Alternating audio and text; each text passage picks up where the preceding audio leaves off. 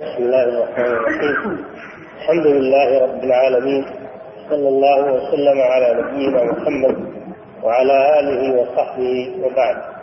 لما بين الشيخ رحمه الله الاصول الثلاثه مجملة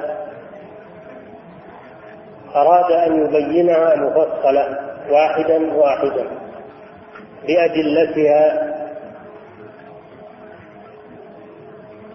بأدلتها من الكتاب والسنة ومن آيات الله في الكون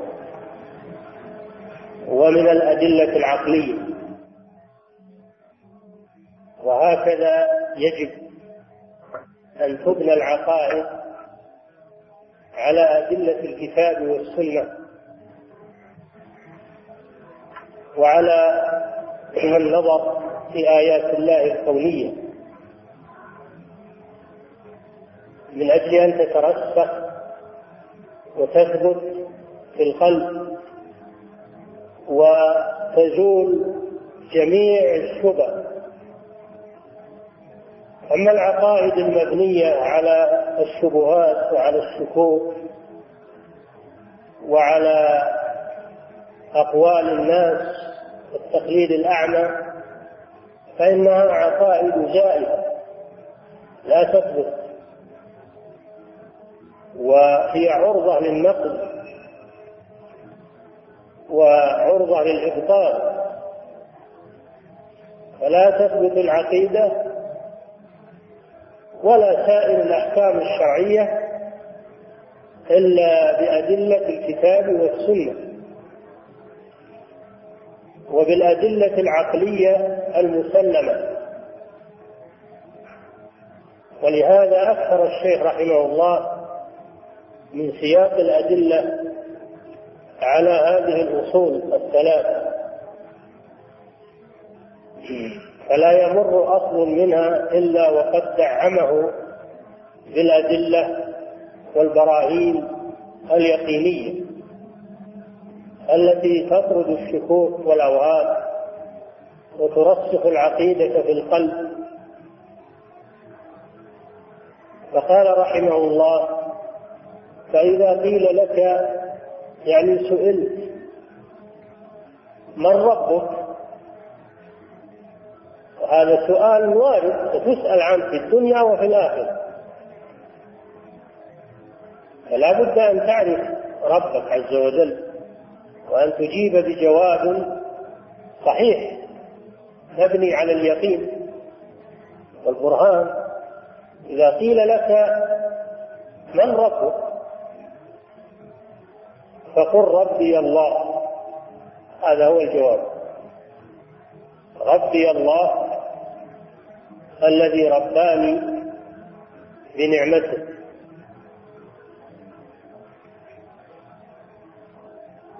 هذا استدلال. الذي رباني بنعمته هذا استدلال. استدلال عقلي. الرب جل وعلا هو الذي يربي عباده بنعمه ويغذيهم برزقه. يخلقهم بعد أن لم يكونوا شيئا مذكورا. يوجدهم من العدم في بطون أمهاتهم خلقا من بعد خلق في ظلمات ثلاث. ويوصل إليهم الرزق حتى في بطون أمهاتهم. في بطون أمهاتهم يصل إليهم رزقهم ويتغذون. ولذلك ينمو جسم الجنين في بطن أمه.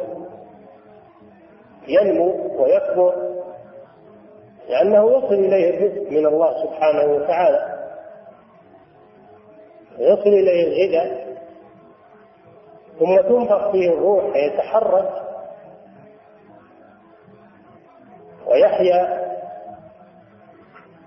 بإذن الله.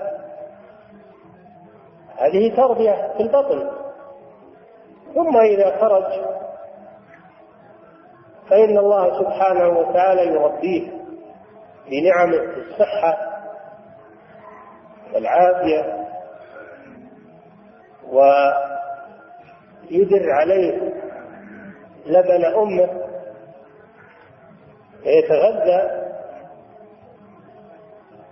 إلى أن يأكل الطعام ويستغني عن الحليب ثم ينمو شيئا فشيئا ينمو عقله وسمعه وبصره وجسمه ينمو شيئا فشيئا. حتى يبلغ الحلم. وينمو وينمو إلى أن يبلغ أشده يبلغ أربعين سنة. ويكون في غاية القوة. فمن الذي يغذيه؟ من يوم أن خلق في بطن أمه إلى أن يموت. من الذي يغذيه؟ ثم من الذي يسوغ هذا الطعام وهذا الشراب في جسمه فيصل إلى كل خلية وإلى كل عضلة وإلى كل مكان في جسمه يصل إليه الغذاء. من الذي يشهي له الطعام والشراب؟ من الذي يصرفه ويخرج منه غرره؟ من الذي يفعل هذا ويربي هذا الإنسان أليس هو الله سبحانه وتعالى؟ هذا هو الرب سبحانه وتعالى. هو الرب الذي يربي الذي رباني وربى جميع العالمين بنعمته. كل ما على وجه الأرض من العوالم الآدمية والحيوانيه وعالم البر والبحر من أكبر مخلوق إلى أصغر مخلوق في البر والبحر كلها تتغذى بنعم الله عز وجل وبرزقه. أمن هذا الذي يرزقكم إن أمسك رزقه. وما من دابة في الأرض إلا على الله رزقه ويعلم مستقرها ومستودعها. وكأي من دابة لا تحمل رزقها الله يرزقها وإياكم وهو السميع العليم. هذا هو الرب سبحانه. ذلكم الله ربكم فاعبدوه. أما غير الله جل وعلا فلا يملك من ذلك شيئا. لا الأصنام ولا غيرها لا أحد يملك من الرزق شيئا. وإنما هو مرزوق هو يرزق. مثله هو مخلوق مثله يرزق.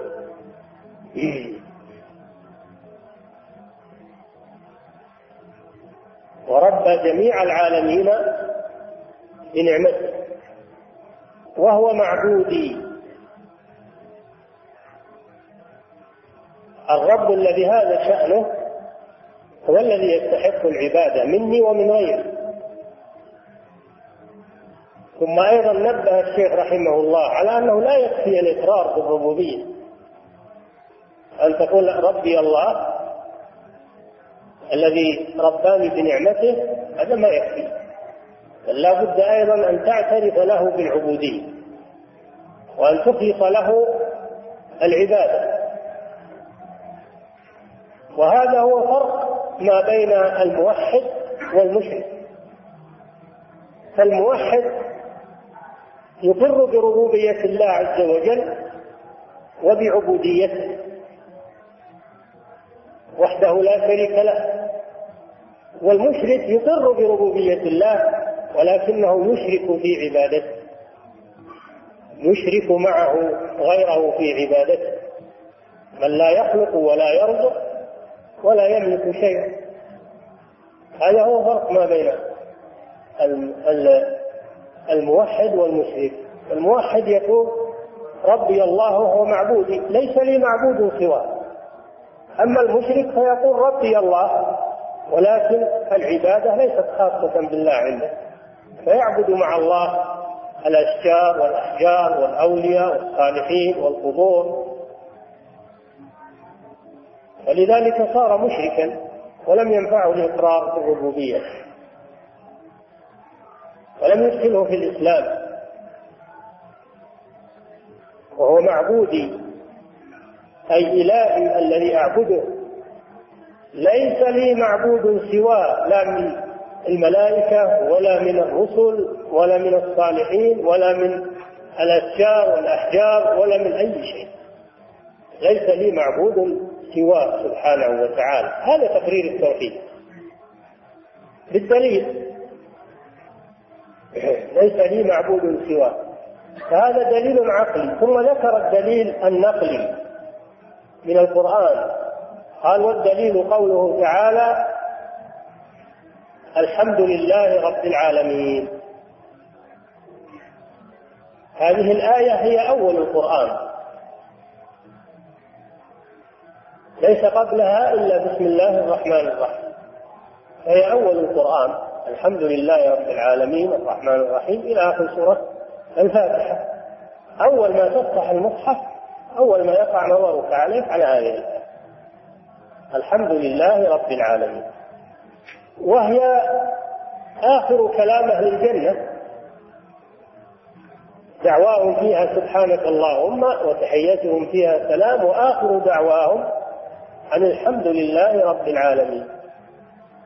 والله جل وعلا افتتح بها الخلق. الحمد لله الذي خلق السماوات والأرض وجعل الظلمات والنور ثم وختم بها الخلق. قال سبحانه وتعالى وقضي بينهم بالحق وقيل الحمد لله رب العالمين. فتح بها الخلق وختم بها. فهي كلمة عظيمة.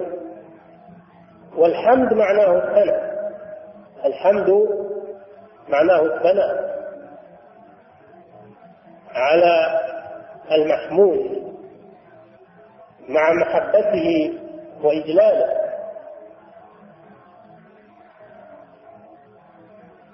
وأل في الحمد للاستغراق أي جميع المحامد. جميع المحامد لله. ملكا واستحقاقا. فهو فهو المستحق للحمد المطلق. وأما غيره فيحمد على قدر ما يفعل من من الجميل ومن الخير.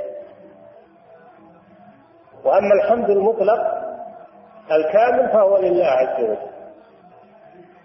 لأن النعم كلها منه. وحتى المخلوق إذا اسدى إليك شيئا من الإحسان فإنه من الله عز وجل. هو الذي سخر لك هذا المخلوق وهو الذي مكنه من أن يحسن إليه. فالحمد يرجع إلى الله سبحانه وتعالى. الحمد هذا مبتدأ. لله جار ومجرور متعلق بمحذوف خبر المبتدأ. متعلق بمحذوف أي الحمد كائن أو مستقر أو مستحق لله عز وجل. لهذا يقول ابن مالك وأخبروا بظرف أو بحرف جر ناوين معنى كائن أو استقر يعني متعلق بمحذوف لأن الجار والمجرور لا يكون خبرا وإنما الخبر متعلق. والله معناها بالألوهية. الله معناها بالألوهية العبودية على خلقه أجمعين. وهذا الاسم لا يسمى به غيره سبحانه. لا أحد تسمى بالله أبدا. حتى فرعون ما قال أنا الله. قال أنا ربكم ما قال أنا الله. ما يستطيع أن يقول أنا الله. فهذا الاسم خاص بالله عز وجل. لا أحد يتسمى أبدا ولا أحد يجرؤ أن يقول أنا الله.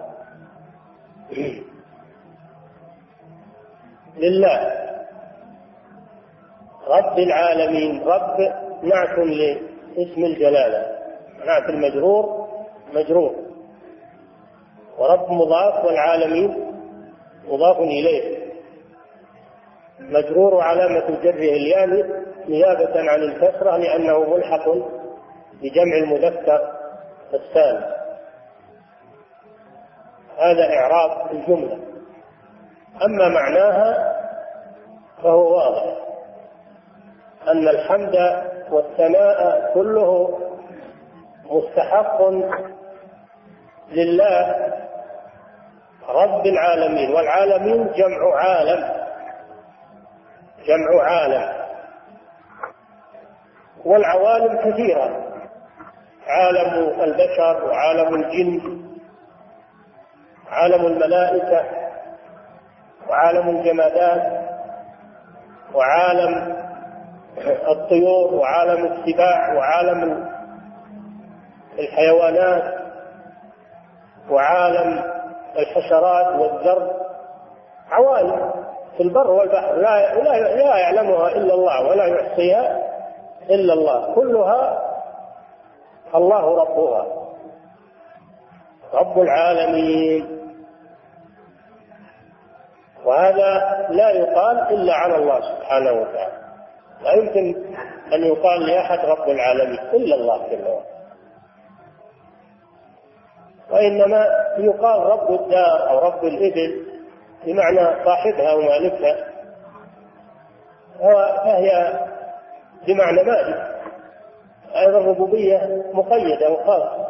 أما الربوبية المطلقة لكل الأشياء العالمين كلهم فهي لله جل وعلا. أو الرب إذا قيل الرب هذا لا يطلق إلا على الله. الرب بالتعريف لا يطلق إلا على الله جل وعلا ولا ينصرف إلا إليه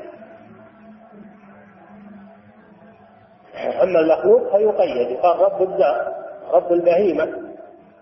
يعني مالكها وصاحبها رب الدابة. هكذا. رب العالمين. ثم بين الشيخ رحمه الله وجه الاستدلال بهذه الآية. فقال وكل ما سوى الله عالم وأنا واحد من ذلك العالم. فيكون الله ربي. لأنه قال في الأول ربي الله. وش الدليل؟ الدليل أن الله رب العالمين وأنا واحد من العالمين فيكون الله ربي. استدلال واضح. وأنا واحد من ذلك العالم هذا وجه الاستدلال فلا أحد ولا يمكن لأحد لا الكافر ولا المسلم ولا أي أحد لا يمكن أن يقول أنا لي رب غير غير رب العالمين. هذا ما يمكن أبدا. ولا يقوله عاقل هذا دليل على ربوبية الله عز وجل. وما دام إنه رب العالمين فهو المستحق. للعبادة. وهذا يبطل عبادة ما سواه سبحانه وتعالى. ولذلك قال بعدها إياك نعبد وإياك نستعين.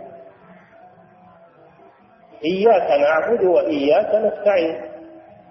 وهذه تفيد الحصر لأن تقديم المعمول إياك وتأخير العامل وهو نعبد يدل على الحصر فإياك نعبد يختلف عن نعبدك. لأن نعبدك هذا إثبات فقط. لكن إياك نعبد هذا يتضمن النفي و... والإثبات. إياك نعبد يعني ولا نعبد غيرك. والعبادة لا تصح إلا مع النفي والإثبات. وهو معنى لا إله إلا الله. فيها نفي وإثبات. نفي الألوهية عما سوى الله وإثباتها لله عز وجل. مثلها إياك نعبد. أي لا نعبد إلا إياك. فيها معنى لا إله إلا الله تماما.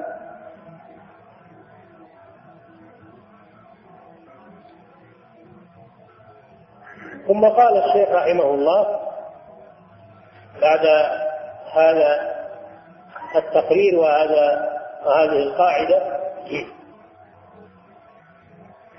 فإذا قيل لك بما عرفت ربك. أن قلت الله ربي.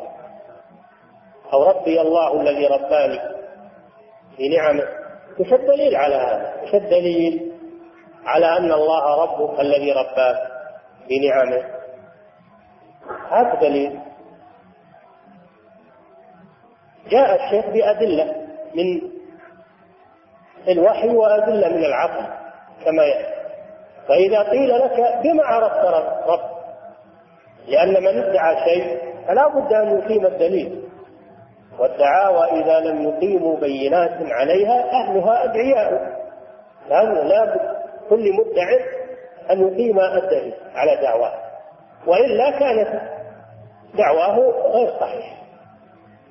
فأنت قلت ربي الله الذي رباني وربى جميع العالمين بنعمته.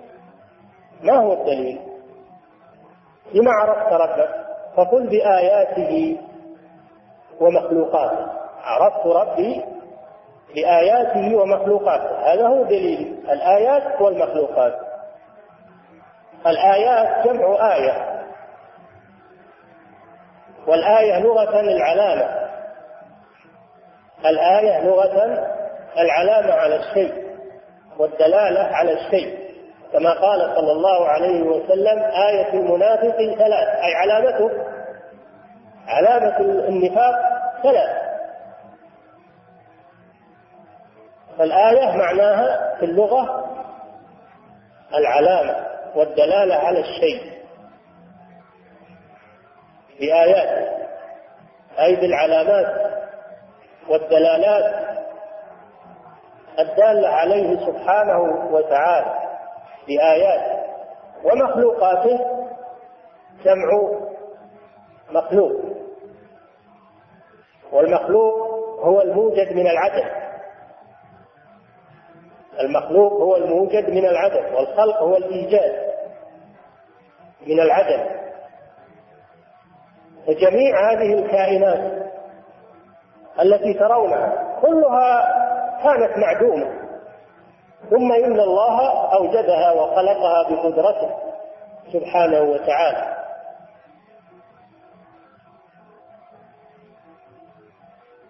ومنها خلق يتجدد. أنتم تشاهدون. فيها شيء يتجدد. نبات مواليد أشياء ما كانت موجودة. ثم توجد وأنتم تنظرون إليها. من الذي خلقها؟ من الذي يخلقها؟ هو الله سبحانه وتعالى. هل تخلق نفسها؟ لا ما تخلق نفسها. هل أحد خلقها من من البشر؟ ما أحد خلقها من البشر ولا أحد ادعى هذا ولا يستطيع أن يدعي. أم خلقوا من غير شيء؟ أم هم الخالقون؟ أم خلقوا السماوات والأرض؟ بل لا يوقنون. ما ما وجدت هذه الأشياء أو أوجدت نفسها أو أوجدها غيرها من المخلوقات ابدا. ما أحد خلق شجرة. ما أحد خلق بعوضة أو ذباب. إن الذين تدعون من دون الله لن يخلقوا ذبابا ولو اجتمعوا. ما أحد خلق شيء. ولو كان حقيرا صغيرا. بآياته ومخلوقاته. فهذا الخلق يدل على الخالق سبحانه وتعالى. ولهذا لما قيل لأعرابي أعرابي بدوي على البديهة ما تعلم ولا تخرج من جامعات ولا قيل له بما عرفت ربك؟ قال البعرة تدل على البعيد والأثر يدل على المسير والأثر يدل على المسير ألا يدل هذا الكون على اللطيف الخبير هذا الكون كله ألا يدل. أنت إذا شفت أثر في الأرض أثر قدم أما يدلك هذا على أن أحدا مشى مع هذه الأرض؟ إذا رأيت بعر بعيد بعر هود ألا يدلك هذا على أن هذه الأرض فيها إبل أو مر عليها إبل؟ بلى. البعرة تدل على البعير والأثر يدل على المسير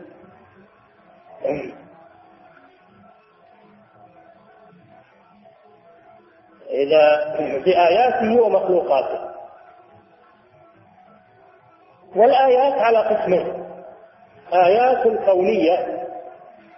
آيات كونية تشاهد مثل السماوات والأرض. والنجوم والشمس والقمر والجبال والشجر والأرض والبحار. آيات هذه تشاهد. آيات كونية. سميت آيات لأنها دلالات وعلامات على خالقها سبحانه وتعالى. ولهذا يقول الشاعر فيا عجبا كيف يعطى المليك أم كيف يجحده الجاحد ولله في كل تحريكة وفي كل تسكينة له شاهد وفي كل شيء له آية تدل على أنه واحد. في كل شيء له آية تدل على أنه واحد. فكيف أحد يجحد؟ الله جل وعلا. ويقول ما في رب. يعني هذا الكون كله هذه المخلوقات وجدت من غير خالق. وإن قلت أنها وجدت بخالق فمن هو هذا الخالق غير الله جل وعلا؟ بين لي. ما تجد خالقا غير الله سبحانه وتعالى. أم جعلوا لله شركاء خلقوا كخلقه فتشابه الخلق عليهم؟ ولله خالق كل شيء وهو الواحد القهار. بآياته آه الكونية مخلوقاته. والقسم الثاني الآيات القرآنية التي تتلى. الآيات القرآنية التي تتلى من الوحي المنزل على الرسول صلى الله عليه وسلم. هذه كلها أدلة على وجود الرب سبحانه وتعالى وعلى كماله وصفاته وأسمائه وصفاته وعلى أنه مستحق للعبادة وحده لا شريك له. كلها تدل على ذلك. الآيات الكونية والآيات القرآنية. الآيات الكونية تدل على خالقها وموجدها ومدبرها. والآيات القرآنية فيها الأمر بعبادة الله وفيها تقرير توحيد الربوبية والاستدلال به على توحيد الألوهية والأمر بعبادة الله.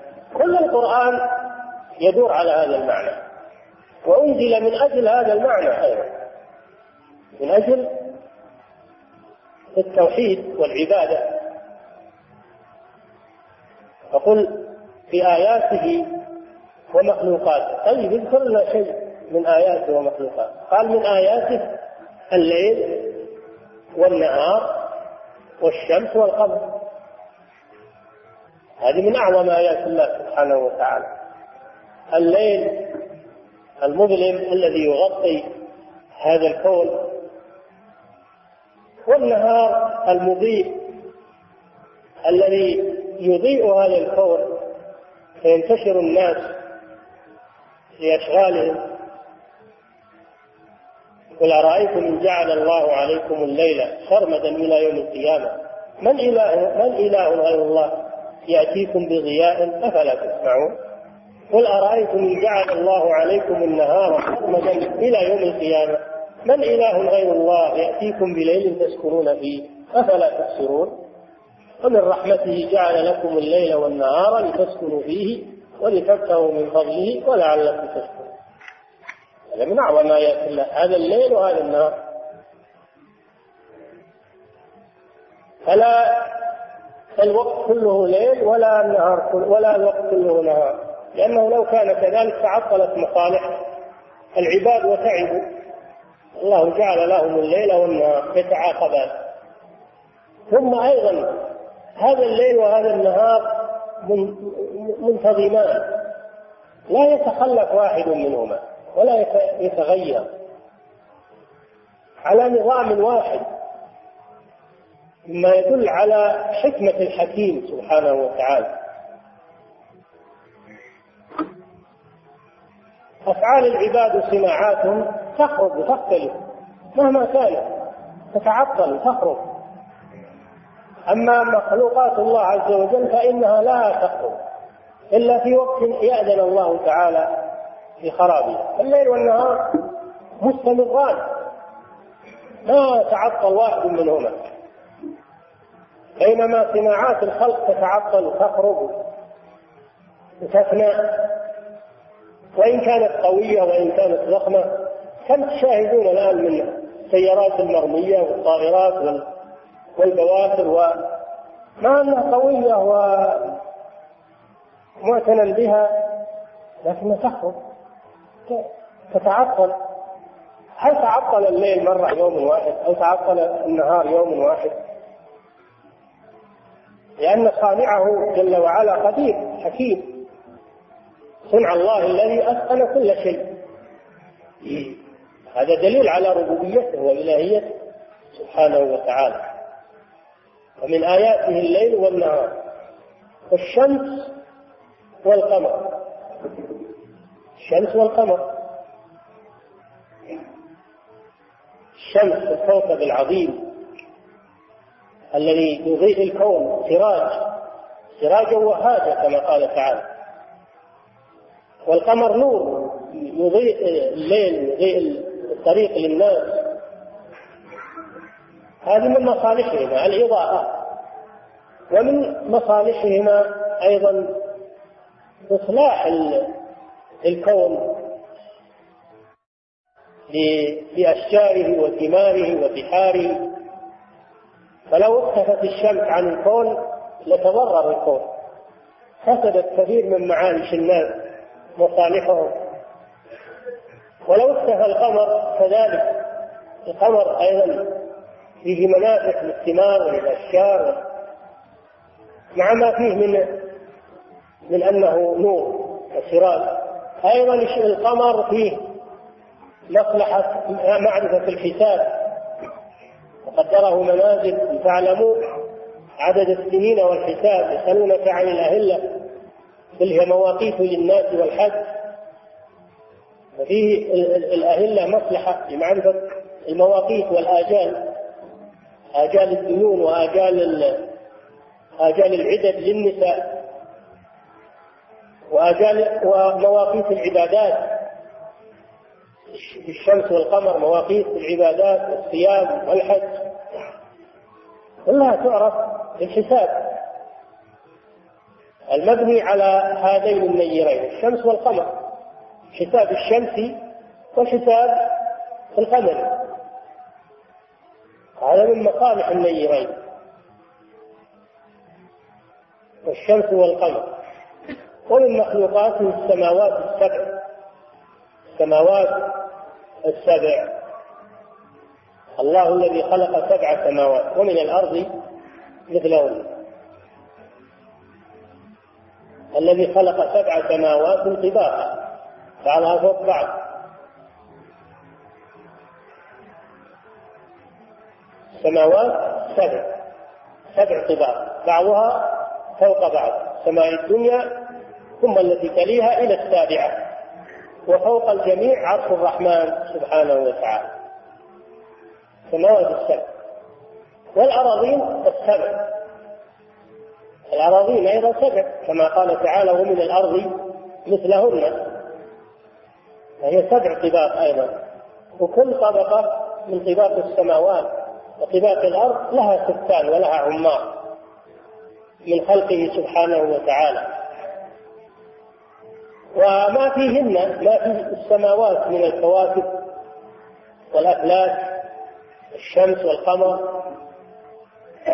وما في الأرض من المخلوقات من الدواب اختلاف أنواعها ومن الجبال ومن الأشجار والأحجار. ومن المعادن ومن البحار. هذه من آيات الله سبحانه وتعالى الآيات الكونية الآيات الكونية التي ترى وتشاهد. وما بينهما وما فيهن وما بينهما. والدليل قوله تعالى ومن آياته الليل والنهار والشمس والقمر. لا تسجدوا للشمس ولا للقمر واسجدوا لله الذي خلقهن إن كنتم إياه تعبدون. ومن آياته الليل من آياته يعني من العلامات الدالة على ربوبيته وعلى قدرته سبحانه وعلى استحقاقه للعبادة دون سواه. الليل والنهار. الليل الذي يظلم في الكون كله والنهار الذي يضيء الكون كله. هذا من عجائب آيات الله سبحانه وتعالى. فما الذي يجعل الكون كله مظلم في آن واحد ثم يجعل الكون كله مضيئا في آن واحد من هو؟ هو الله سبحانه وتعالى لو اجتمع الخلق على أن يضيئوا أن يضيئوا بقعة من الأرض ما استطاعوا أن يضيئوا إلا بقعة محدودة لو جابوا مكاين الكهرباء التي في الدنيا كلها وش تضيء من الأرض؟ إيش رايك تضيء من الأرض؟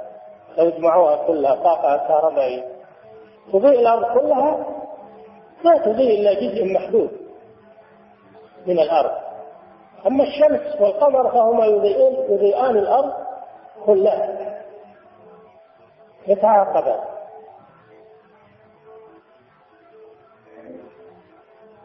الليل والنهار والشمس والقمر. لا تسجدوا للشمس ولا للقمر واسجدوا لله الذي خلقهن إن كنتم إياه تعبدون. هذا إبطال للشرك. لا تسجدوا للمخلوقات. وأعظم ومن أعظم من أعظم المخلوقات الشمس والقمر. ولأن المشركين كانوا يعبدون منهم من يعبد الشمس. ويسجد لها. منهم من يعبد القمر والكواكب. من يعبد الكواكب. مثل قوم إبراهيم يبنون لها هياكل ويعبدونها يعبدون الكواكب يصنعون الهياكل في الأرض والتماثيل على صورة الكواكب ويعبدونها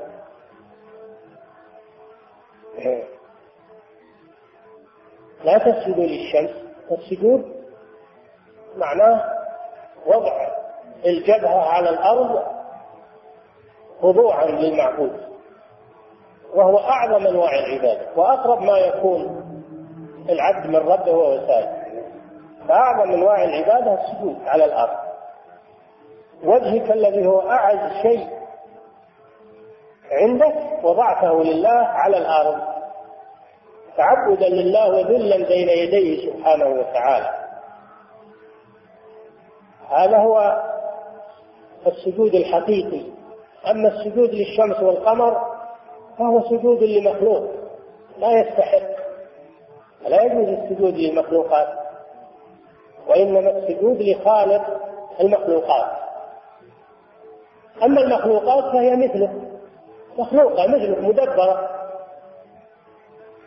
متصرف فيها لا تسجد لمخلوق مثلك عادي مثلك هذا لا يجوز. وين العقول؟ أين ذهبت؟ العقول؟ السجود إنما يستحقه الخالق سبحانه وتعالى الذي لا يعجزه شيء. السجود حق لله عز وجل وليس حقا للمخلوق مهما كان هذا المخلوق من العظم والكبر و فإنه مخلوق ضعيف مدبر متصرف فيه. لا تسجدوا للشمس ولا للقمر. واسجدوا لله الذي خلقهن. إن كنتم إياه تعبدون الواجب أن لا تعبدوا إلا إياه. فإذا سجدتم له وسجدتم لغيره فإنكم لا تكونون عابدين لله. العبادة الصحيحة بل تعبدونه مع الشرك والشرك يفسد العبادة. إن كنتم إياه تعبدون.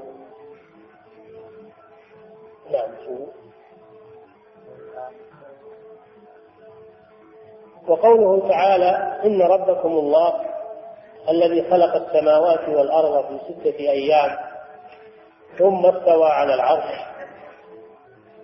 يغشي الليل النهار يطلبه حديثا والشمس والقمر والنجوم مسخرات بأمره. ألا له الخلق والأمر؟ تبارك الله رب العالمين. إن ربكم إن حرف توكيد ونفس فهي موطئة للقسم يقدر قبلها قسم. تقديره والله إن ربك. فهي في جواب قسم مقدر. إن ربكم أي خالقكم ومربيكم للنعم الله لا غيره سبحانه وتعالى. إن ربكم الله. ثم ذكر الدليل على ذلك. فقال الذي خلق السماوات والأرض. هذا هو البرهان على ربوبية الله عز وجل. البرهان أنه خلق السماوات والأرض. ولا أحد خلق شيئا منهما ولا أحد أعانه سبحانه وتعالى على ذلك بل هو المنفرد بخلقهم. خلق السماوات والأرض. هل أحد من المشركين أو من أو من الملاحدة هل أحد عارض هذا وقال لا ما خلق السماوات هل أحد عارض هذه الآية وقال لا ما الله ما خلق السماوات والأرض الذي خلقها هو فلان. أو أنا الذي خلقتها أو خلقها الصنم الفلاني هل قال هذا أحد من العالم؟ قديما وحديثا؟ مع أن هذه الآية تتلى ليلا ونهارا ما أحد عارض فيها. ولا يستطيع يعارض أبدا. خلق السماوات والأرض في ستة أيام. هذه المخلوقات الهائلة العظيمة في ستة أيام. وهو قادر على أن يخلقها في لحظة ولكنه خلقها في ستة أيام لحكمة يعلمها سبحانه وتعالى. وستة الأيام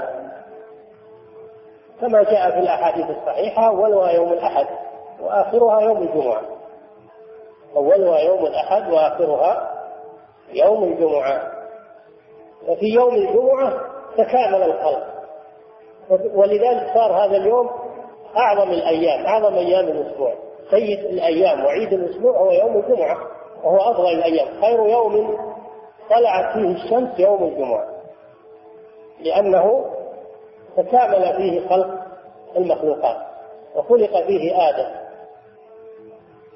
وأدخل الجنة وأهبط منها وفيه تقوم الساعة. في يوم الجمعة تقوم الساعة. فهو أفضل الأيام. وهو آخر أيام الخلق خلق السماوات والأرض وما فيهن. في ستة أيام. ثم استوى على العرش. ثم حرف عطف وترتيب. أي أن استواءه على العرش مرتب على خلق السماوات والأرض. وحاصل بعد خلق السماوات والأرض. ومعنى استوى ارتفع وعلى سبحانه وتعالى. والعرش هو سقف المخلوقات. وهو سرير. العرش في اللغة السرير وهو سرير ذو قوائم تحمله الملائكة. تحمله الملائكة وهو أعظم المخلوقات. كما يليق بجلاله سبحانه وتعالى ليس كاستواء المخلوق على المخلوق وليس هو بحاجة إلى العرش. لأنه هو الذي يمسك العرش سبحانه وتعالى وغيره. إن الله يمسك السماوات والأرض أن تزولا ولئن زالتا إن أمسكهما من أحد من بعد. العرش محتاج إلى الله جل وعلا لأنه مخلوق. والله غني عن العرش وغيره لكنه استوى عليه لحكمة نموها سبحانه وتعالى. والاستواء نوع من العلو لكن العلو صفة ذات. العلو صفة ذات. وأما الاستواء فهو صفة فعل يفعله إذا شاء سبحانه وتعالى. ثم استوى على العرش. وسخر الشمس والقمر. سخر الشمس والقمر أي جعلهما مسخرين. نعم. يغشي الليل النهار. ثم استوى على العرش يغشي الليل النهار. يغشي يغطي. يغطي الليل بالنهار ويغطي النهار بالليل. فبينما ترون الكون مضيئا يغطيه الليل فيصبح مظلما. وبينما ترون الكون مظلما يغطيه النهار فيصبح مضيئا. يغشي الليل النهار يطلبه حديثا. يأتي هذا بعد هذا مباشر لا يتأخر. فإذا أدبر الليل جاء النهار وإذا أدبر النهار جاء الليل. مباشرة. لا يتأخر هذا عن هذا حديثا دائما. هذا من كمال قدرته سبحانه وتعالى. لا يكثر هذا عن هذا. يغشي الليل النهار يطلبه حديثا والشمس والقمر والنجوم مسخرات بأمره. الشمس والقمر الشمس هي الكوكب العظيم المعروف والقمر كذلك كوكب من الكواكب السبعة السيارة.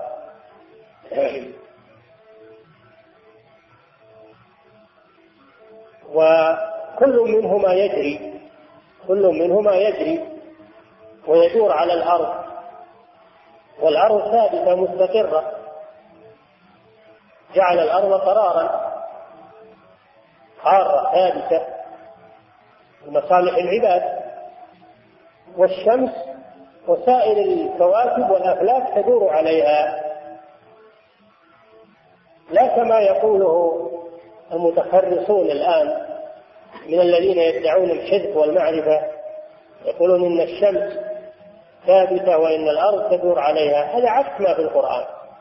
هذا عكس ما في القرآن.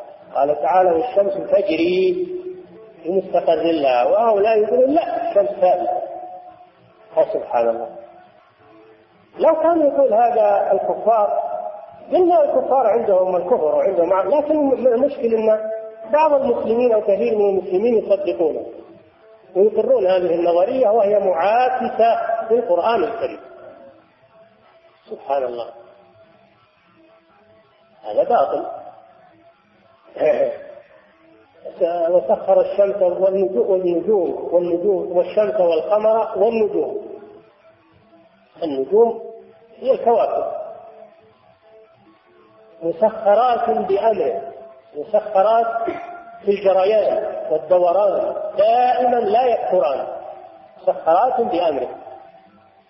هذا رد على الذين يعبدون الشمس والقمر والكواكب أنها مسخرة بأمر الله مأمورة. الله الذي يجريها والله الذي يوقفها إذا شاء سبحانه وتعالى. فهي مسخرة مدبرة. ليس لها من الأمر شيء. مسخرات بأمره. أمره الكوني يأمرها سبحانه فتجري وتدور وتضيء بأمره سبحانه وتعالى. يطلع هذا ويغرب هذا يتعاقبان. مسخرات بأمره.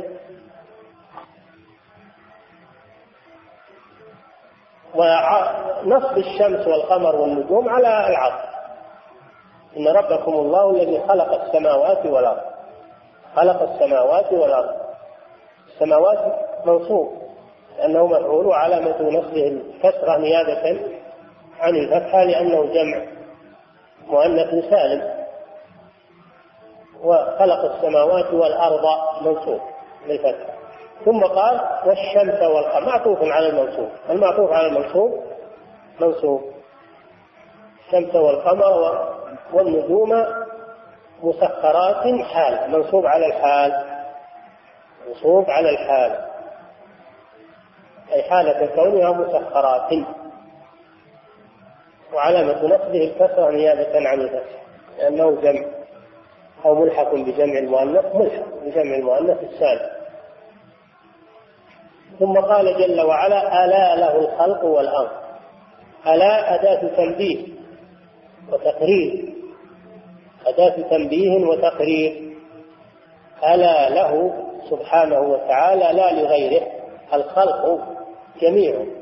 جميع الخلق له ملك يملكه سبحانه وتعالى. يملك السماوات ويملك الأرض وهو القادر أيضا على الخلق إذا أراد سبحانه وتعالى. يخلق ما يشاء. والأمر. الأمر أمره سبحانه وتعالى وهو كلامه. أمره كلامه سبحانه وتعالى. الكوني والشرعي أمره الكوني الذي يأمر به المخلوقات فتطيعه وتستجيب له.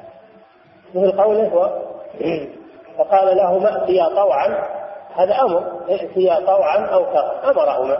هذا أمر كوني. أمر كوني. أمر به السماوات والأرض فتكونت إنما أمره إذا أراد شيئا أن يقول له كن فيكون. هذا أمر كوني. أما الأمر الشرعي فهو وحيه المنزل. هو أمره الشرعي وحيه المنزل الذي يأمر به عباده. يأمرهم بعبادته يأمرهم بالصلاة يأمرهم بالزكاة يأمرهم ببر الوالدين يأمر هذا أمره الشرعي سبحانه وتعالى. له الخلق والأمر. ويدخل فيه الأوامر والنواهي التي في القرآن الكريم وفي السنة النبوية هذا من أمر الله سبحانه وتعالى. فهو له الأمران الخلق والأمر. إذا كان له الخلق والأمر ماذا بقي؟ ماذا بقي لغيره سبحانه وتعالى؟ ولهذا يقول ابن عمر لما قرأ هذه الآية قال من له شيء فليطلبه. ألا له الخلق والأمر؟ ما بقي شيء. من له شيء فليطلبه. يعني بقي شيء غير الخلق والأمر؟ ما في شيء. ودلت الآية على الفرق بين الخلق والأمر. ففيه رد على من يقولون بخلق القرآن. لأن القرآن من الأمر أليس كذلك؟ القرآن من الأمر وأمر الله ليس مخلوقا. الله غاير بين الخلق وبين الأمر جعلهما شيئين متغايرين. القرآن داخل بالأمر إذا هو غير مخلوق. وهذا ما خصم به الإمام أحمد خصم به الجهمية. لما طلبوا منه أن يقول بخلق القرآن قال لهم هل القرآن من الخلق ولا من الأمر؟ قالوا القرآن من الأمر. قال الأمر غير مخلوق. الله غاير بينهما. فجعل الخلق شيء والأمر شيء. الأمر كلام. وأما الخلق فهو إيجاد وتكوين. في فرق بين بينهم. ألا له الخلق والأمر. تبارك الله. الذي هذه أفعاله سبحانه وتعالى وهذه قدرته وهذه مخلوقاته تبارك وتبارك فعل خاص به سبحانه لا يطلق على غيره.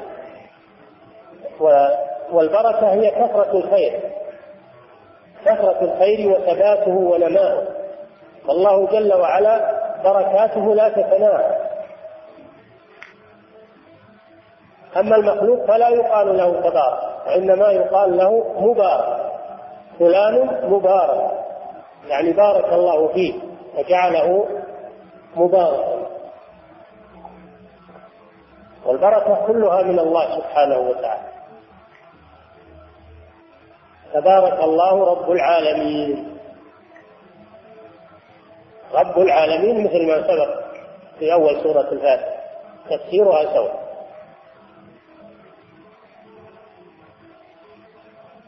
ففي هذه الآية تقرير التوحيد. توحيد الربوبية وتوحيد الألوهية. كما سبق. نعم الآية اللي بعدها. قال والرب هو المعبود. والدليل قوله تعالى الرب هو المعبود. والدليل قوله تعالى يا أيها الناس اعبدوا ربكم الآية. الذي يستحق العبادة من هو؟ هو الرب. وأما غيره فلا يستحق العبادة لأنه ليس ربا. هذا وجه كلام الشيخ رحمه الله الرب هو المعبود أي هو الذي يستحق العبادة. أما غيره فلا يستحق العبادة لأنه ليس ربا. ثم أيضا ما يكفي أن الإنسان يقر بالربوبية بل لا بد أن يقر بالعبودية لله سبحانه وتعالى ويفعلها. مخلصا له سبحانه. فما دام أقر أنه الرب فإنه يلزمه أن يقر أنه هو المعبود وأن غيره لا يستحق شيئا من العبادة. ما الدليل على أن العبادة خاصة بالرب؟ الدليل قوله تعالى يا أيها الناس اعبدوا ربكم الذي خلقكم والذين من قبلكم لعلكم تتقون الذي جعل لكم الأرض فراشا والسماء بناء وأنزل من السماء ماء فأخرج به من الثمرات رزقا لكم. فلا تجعلوا لله أندادا وأنتم تعلمون.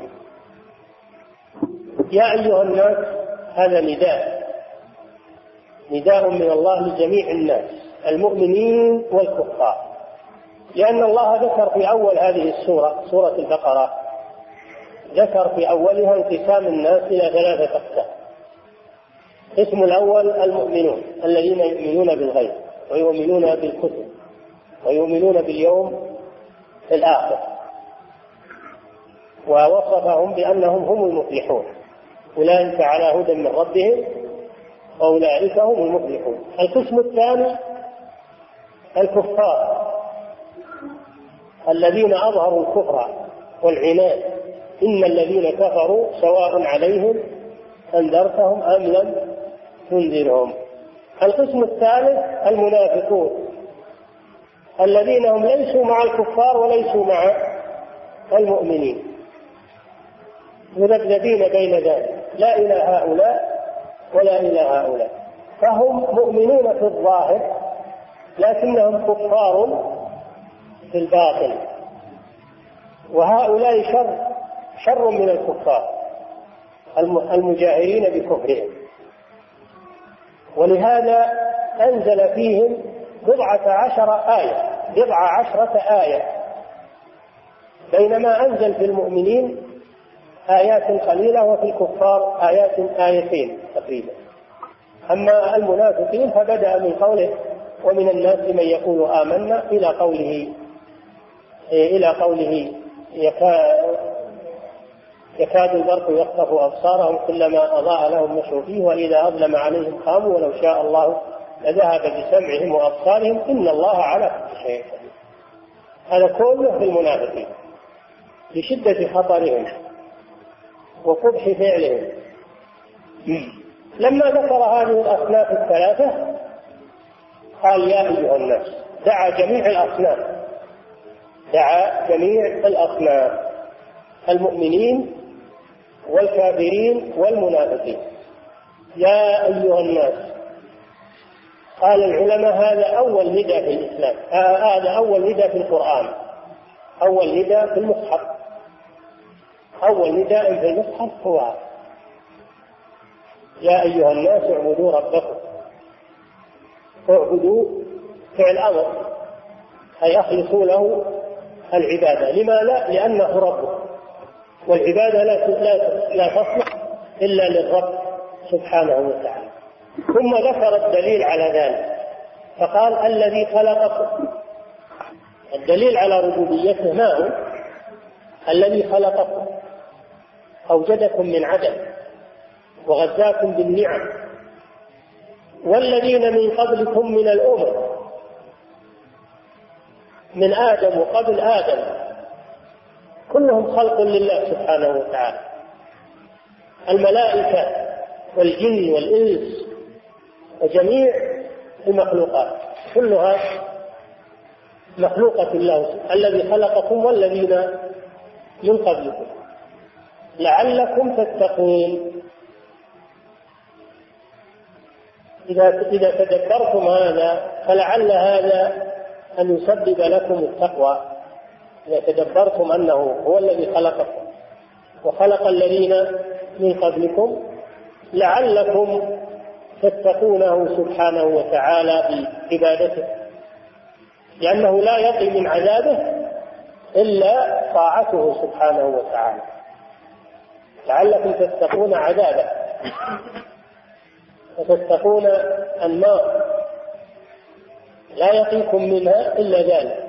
عبادة ربكم الذي خلقكم والذين من قبل ثم واصل الاستدلال على ربوبيته وعبوديته سبحانه وتعالى الذي جعل لكم الأرض فراشا. فراشا الفراش معناه البساط. والله جعل لكم الأرض بساطا يعني مبسوطا. وفراشا تفترشونها تنامون عليها. تبنون عليها تزرعون على ظهرها تسيرون عليها مسافرين أينما تريدون فراش ومهاد. فالأرض فرشناها فنعم الماهدون. لأجل مصالحكم. والسماء بناء والبناء هو السقف. السماء سقف الأرض. وفيه مصالح للعباد. في السماء مصالح للعباد. بما فيه من الكواكب والشمس والقمر ومنافع العباد. وأنزل من السماء يعني من السحاب. سمي سماء لأنه مرتفع. سمي سماء لأنه مرتفع. والسماء كل مرتفع والسماء بناء وأنزل من السماء ماء فأخرج به من الثمرات رزقا لكم يمطر المطر على الأرض وهي يابسة هامدة ثم تهتز ويرتفع يرتفع سمكها ثم تنبت نبات ثم هذا النبات يثمر ثم تأكلون من الصنوف الفواكه والأغذية. من الذي أوجد هذا؟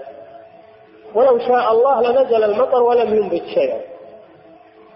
ولو شاء الله لسقيتم الأرض ولم تنبت. ولو نبت ما صلح يفسد ولقد علمتم النشأة الأولى فلولا تذكرون. أفرأيتم ما تحرثون؟ أأنتم تزرعونه أم نحن الزارعون؟ لو نشاء لجعلناه حطاما. فظلتم تظنون فمن الذي ينبته ومن الذي ينميه ومن الذي يصلحه ومن الذي يثمره ومن الذي يحميه من الآفات ومن الذي يمكنكم من أخذه هو الله سبحانه وتعالى وأخرج به من الثمرات ولم يحدد ثمرات مختلفة ومتنوعة. رزقا لكم. فلا تجعلوا لله أندادا. إذا تقرر هذا كله لديكم فلا تجعلوا لله أندادا يعني شركاء في العبادة وأشباها ونظرا وأنتم تعلمون أنه لا شريك له ولا ند له. فهذا إلزام لجميع الخلق بالإقرار بعبوديته سبحانه وتعالى وبطلان عبادة ما سواه. هذا معنى قول الشيخ رحمه الله والرب هو المعبود والدليل قوله تعالى نعم.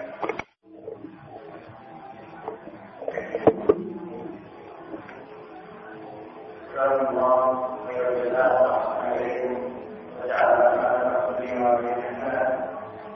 يقول الثاني ذكر الشيخ محمد بن عبد الوهاب رحمه الله تعالى في اول الكتاب ان علمه معرفه الله تعالى ومعرفه فيه ومعرفه تفسير الكتاب من العلم ثم ذكر هنا ان الاصول الثلاثه اي معرفه عبده قبله وبينه ونبيه محمد صلى الله عليه وسلم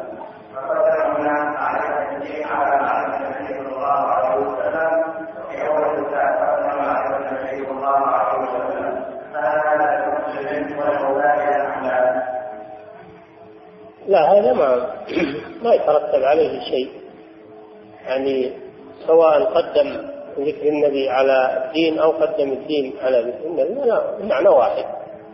المعنى واحد وإنما هذا تغير في الأسلوب فقط وإلا المعنى واحد. نعم.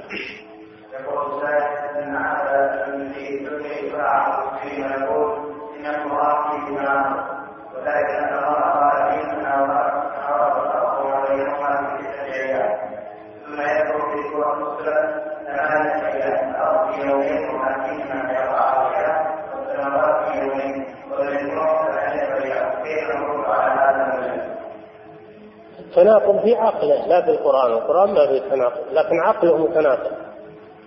فآية سورة الأعراف مجملة وآية فصلت مفصلة فيها تفصيل.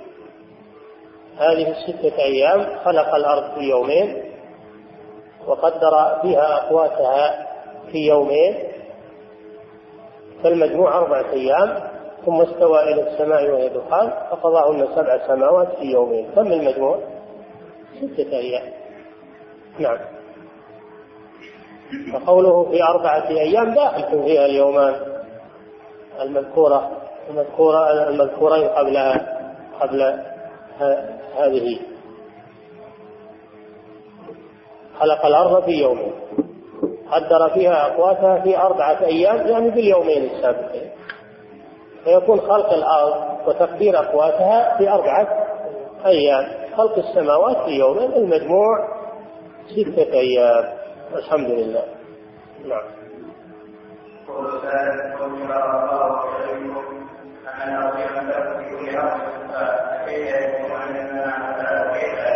الله أعلم. الله أعلم. هذا لا يعلمه إلا الله سبحانه وتعالى من علم الغيب. نعم.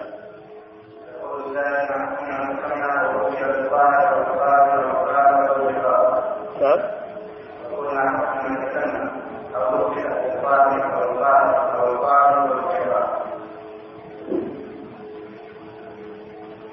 لا ينبغي الكيف في هذه الأمور. ولكن ليس محرما. ليس هو مثلا ظاهر بحسبه حسب المخلوق. مثل ما قال العزيز والملك هذا بحسب المخلوق. وإن وإن شابه اسم الله في اللفظ فالمعنى مختلف الحقيقة مختلفة والكيفية مختلفة. القهار لا يجوز أن يقال إلا لله عز وجل. ما أحد يقال له القهار. واحد القهار هو الله ما يقال القهار للمخلوق. جبار بمعنى متجبر هذا صفة ذم بالنسبة للمخلوق. بالنسبة للمخلوق الجبار هذا صفة ذم أما بالنسبة لله عز وجل فهو صفة مدح لأنه جبروت بحق وقدرة وسلطان منه سبحانه وتعالى. ثم أيضا جبار بمعنى يجبر المكسور ويجبر القلوب. نعم.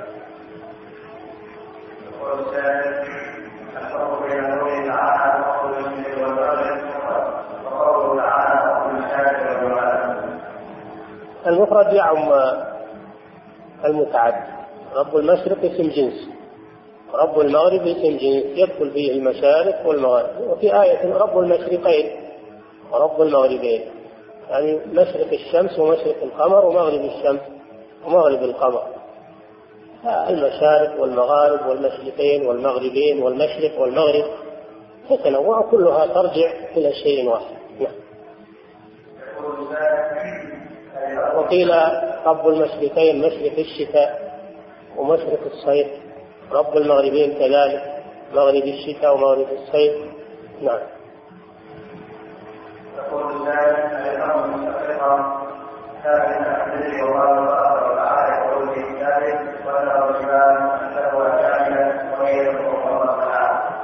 الأرض مستقرة كما أخبر الله سبحانه وتعالى. جعل الأرض من جعل الأرض قرارا. قرارا مستقرة وجعلها فراشا. لو كانت الأرض غير مستقرة ما أقر عليها بنيان ولا ما عاش عليها أحد. وتعلمون ما يحدث في الزلازل والعياذ بالله إذا تحرك شيء من الأرض ماذا يحدث من انهدام المباني والأرض قارة. إنما تزلزل يوم القيامة. إذا الأرض آه، زلزلت إذا زلزلت الأرض زلزالها اتقوا ربكم إن زلزلة الساعة شيء عظيم. هذا عند قيام الساعة. تحرك ترتجف. أما قبل ذلك فهي قارة ساكنة ولله الحمد. وأما قوله وترى الجبال تحسبها جامدة هذا يوم القيامة. إذا سيرت الجبال تسير الجبال عند قيام الساعة تكون مثل الدخان تمر مر السحاب. تسير تدك تصير هباء منبثا كما قال تعالى. هذا في يوم القيامة ما هو قبل يوم القيامة. وسياق الآيات يدل على هذا.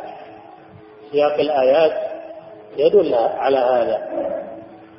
أما هؤلاء الذين يحاولون أنهم يصححون أفكار الملاحدة ويعارضون القرآن أو يؤولون القرآن على غير تأويله فهذا ضلال وتضليل. نعم.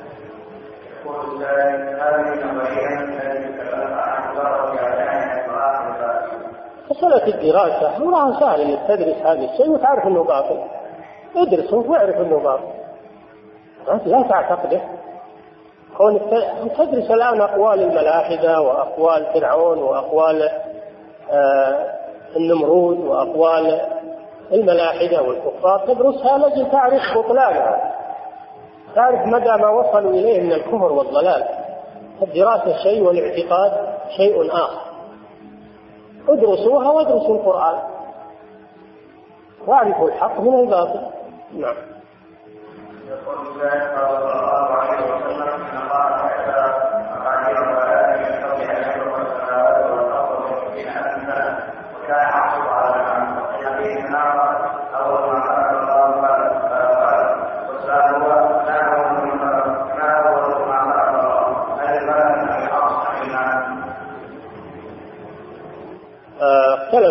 القلم والعرش أيهما أسبق؟ والصحيح أن العرش أسبق من القلم. يقول العلامة ابن القيم والناس مختلفون في القلم الذي كتب القضاء به من الديان. هل كان قبل العرش أو هو بعده؟ قولان عند أبي على الهمدان. والحق أن العرش كان قبل لأنه وقت الكتابة كان ذا أركان. فالله جل وعلا أخبر أن العرش كان موجودا قبل القلم. أن الله سبحانه كتب مقادير الخلائق قبل أن يخلق السماوات بخمسين ألف سنة. قال النبي صلى الله عليه وسلم وكان عرشه على الماء. فقوله وكان عرشه على الماء هذا دليل على أن العرش كان موجودا قبل الكتابة الله أعلم. نعم. يقول ذلك وبين قول كلمة الناس الفهم كلها كأن كان وهم لا يعلمون أن الله عليهم بآية الدهر عند العوام المراد به الجد. الجد يسمونه دهر. هو تعبير ما يقصدون إن الدهر هو اللي منع النبات الذي هو الزمان. الدهر معناه الزمان. العوام ما يريدون الزمان يريدون الجد. يقولون الأرض دهر يعني جد. ما فيها الكلمة دي ما فيها شيء. لا يقصدون الزمان. نعم.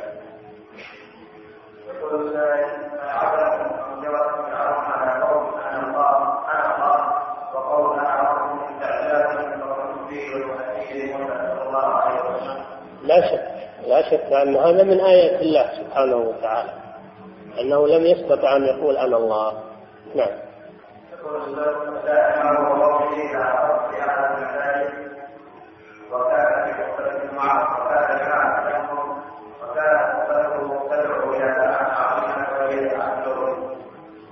إن كان عندك علم إن كان عندك علم فإنك تنبه وتعلق على الخطبة بحكمة ولطف لا يكون فيه مشادة ولا مشاجرة.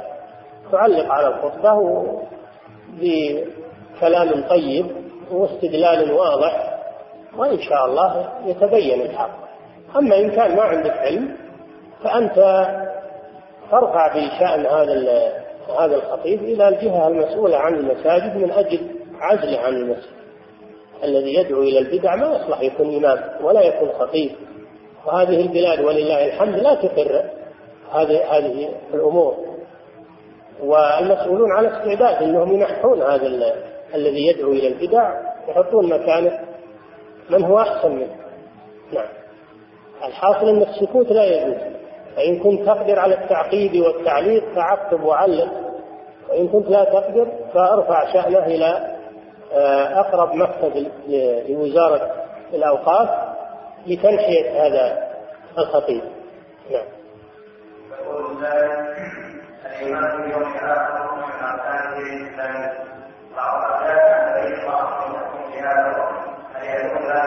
من أن وعلى إن تكلم بهذا إن تكلم بالشك تلفظ به يكون مخرج من المله أما إن كان في نفسه فقط هذا وسواس ولا يضره إن شاء الله. إذا لم يتكلم به ورفضه وطرح وعظم الكلام فيه هذا دليل على إيمانه ولا يضره أما إن تكلم به فهو يعتبر ردة عن الإسلام. نعم.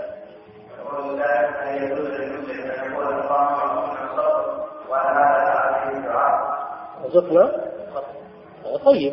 اللهم ارزقنا الصبر نعم هذا طيب.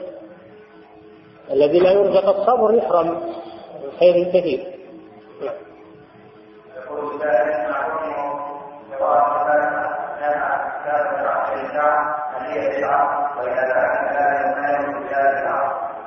العقد لا يبطل العقد صحيح إذا تمت أركانه وشروطه العقد صحيح. أما قراءة الفاتحة فلا أصل له لا تقرأ عند العقد.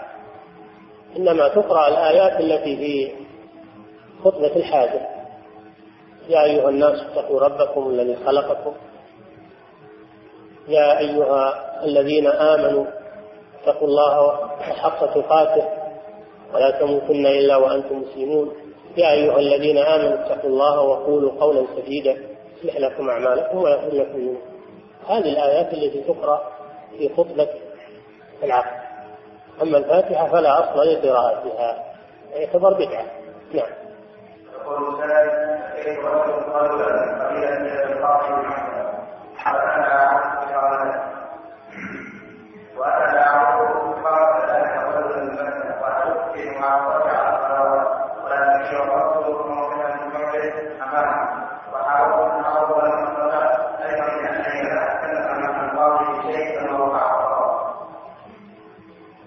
هذا غلط.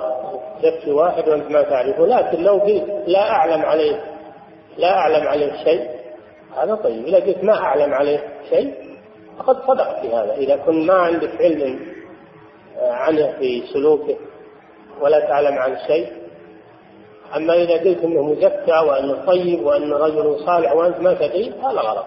يجوز. قال الله تعالى إلا من شهد بالحق وهم يعلمون. لازم من العلم الشهادة. أشهد على علم.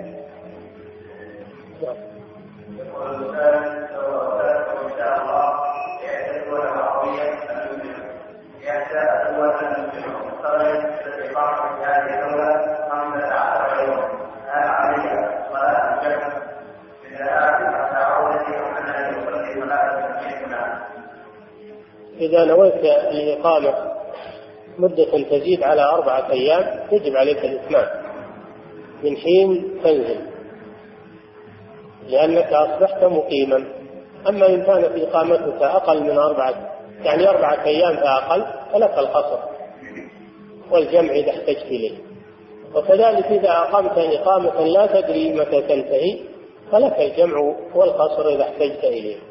فالأحوال ثلاثة الحالة الأولى أن تعلم أنك تقيم أربعة أيام فأقل لك الجمع والقصر أن لا تعلم متى ترحل ما تدري يوم يومين أو شهر لك الجمع والقصر أيضا. الحالة الثالثة إذا عرفت أنك ستقيم أكثر من أربعة أيام وجب عليك الإتمام. نعم. يقول ذلك وفي أحد الرقائق وأبويه سبب كبيرا قد حصل عليها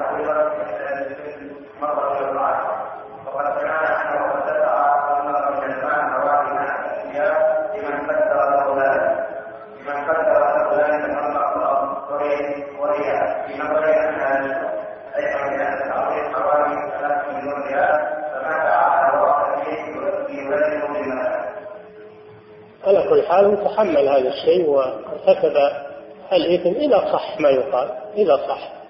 وهو قد رشى وحصل على الإثم عليه أن يتوب ويستغفر الله ولا يرجع لمثل هذا الشيء. أما الورثة فيأخذون ثمن ثمن مزرعتهم. نعم.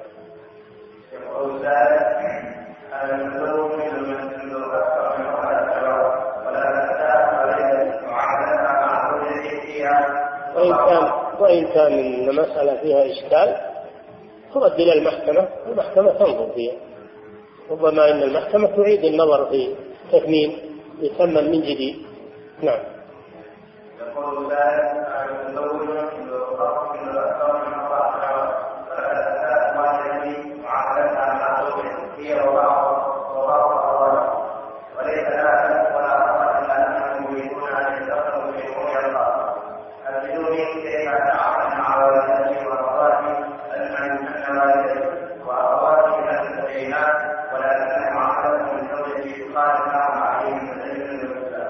عليك بالعدل؟ عليك بالعدل والإنصاف؟ لا تظلم زوجك. وأيضا لا تغضب والدتك.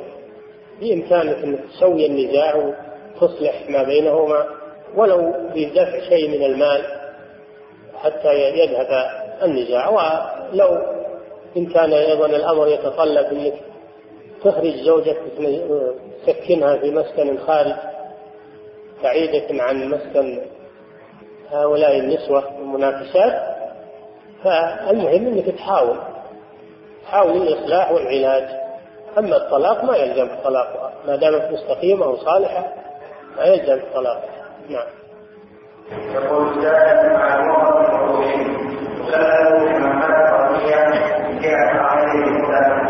ما الصلاة. أنت الإمام على مسؤولية. يقول إذا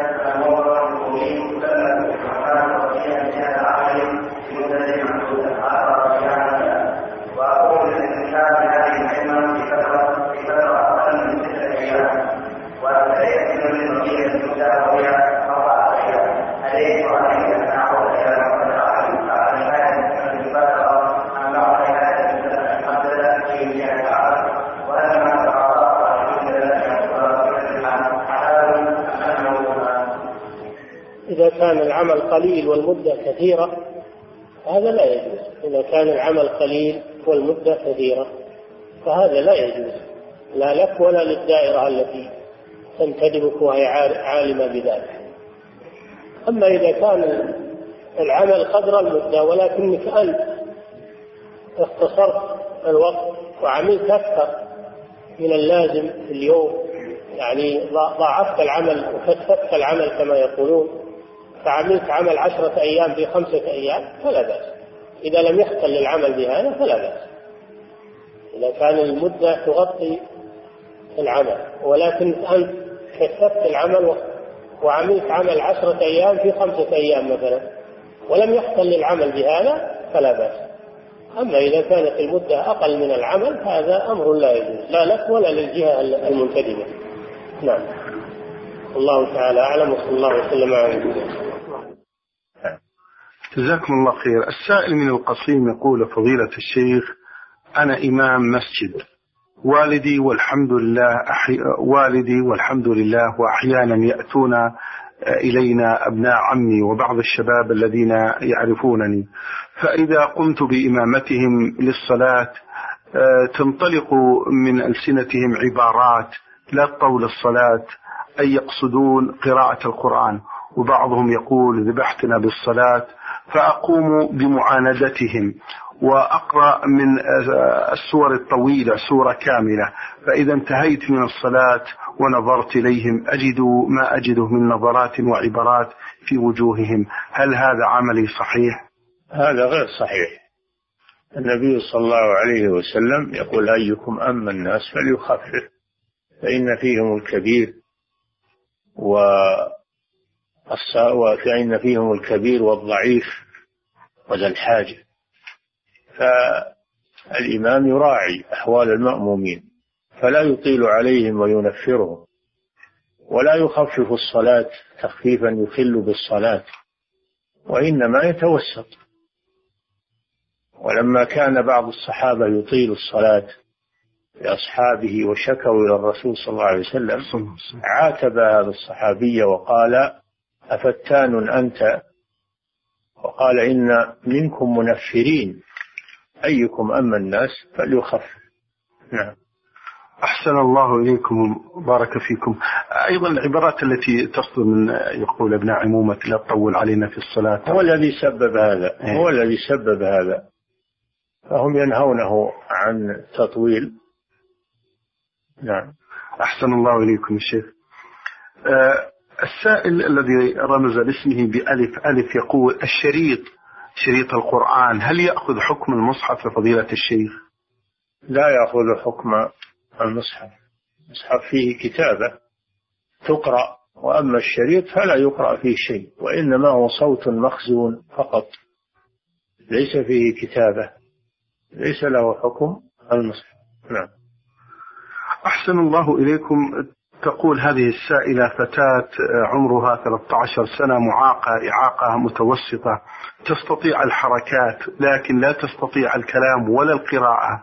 هل يجوز إجبارها على الصلاة وضربها؟ نعم تعلم الصلاة وتربى عليها وتؤمر بها ويؤكد عليها ولا تترك. نعم. أحسن الله إليكم يقول هذا السائل آه، فضيلة الشيخ إذا اختلطت أصوات المؤذنين لكثرة المساجد المجاورة آه، على بمن حولنا كيف نردد بمثل هذه الحالة؟ مع من نردد مأجورين؟ الذي تسمعون صوته بوضوح ترددون معه. الذي تسمعون صوته بوضوح من أول الأذان إلى آخره هو الذي تتابعونه. نعم السائلة التي رمزت لاسمها أم مريم تقول فضيلة الشيخ أسأل عن حكم الرقص للنساء داخل النساء في الأفراح آه، رقصا خفيفا لا فاحشا هل هذا وارد؟ بمناسبة الزواج لا بأس برقص النساء فيما بينهن وأن يكن مستورات عن الرجال وبشرط أن يكون الرقص المحتشم وليس الرقص الفاحش الذي المتعارف عليه الآن في فن الراقصات التي يسرفن في الرقص ويحصل منهن انكشاف لمفاتنهن أو يلبسن ثيابا معدة للرقص مفتحة يظهر منها شيء من جسمها ومن عورتها. هذا